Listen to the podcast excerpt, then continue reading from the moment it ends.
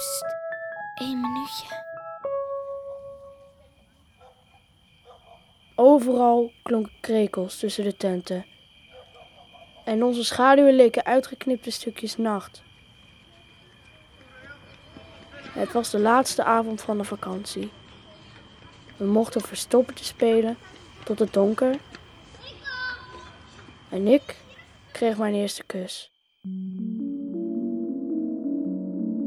Natuurlijk had ik er al honderdduizend gehad. Van mama, papa, oma en mijn broertje. Op mijn voorhoofd voor mijn verjaardag. En bij het hek van het schoolplein. Maar nog nooit een kus die niemand mocht zien. Het was een kus met een smaakje. Van het aardbeienijs dat ze net gegeten had.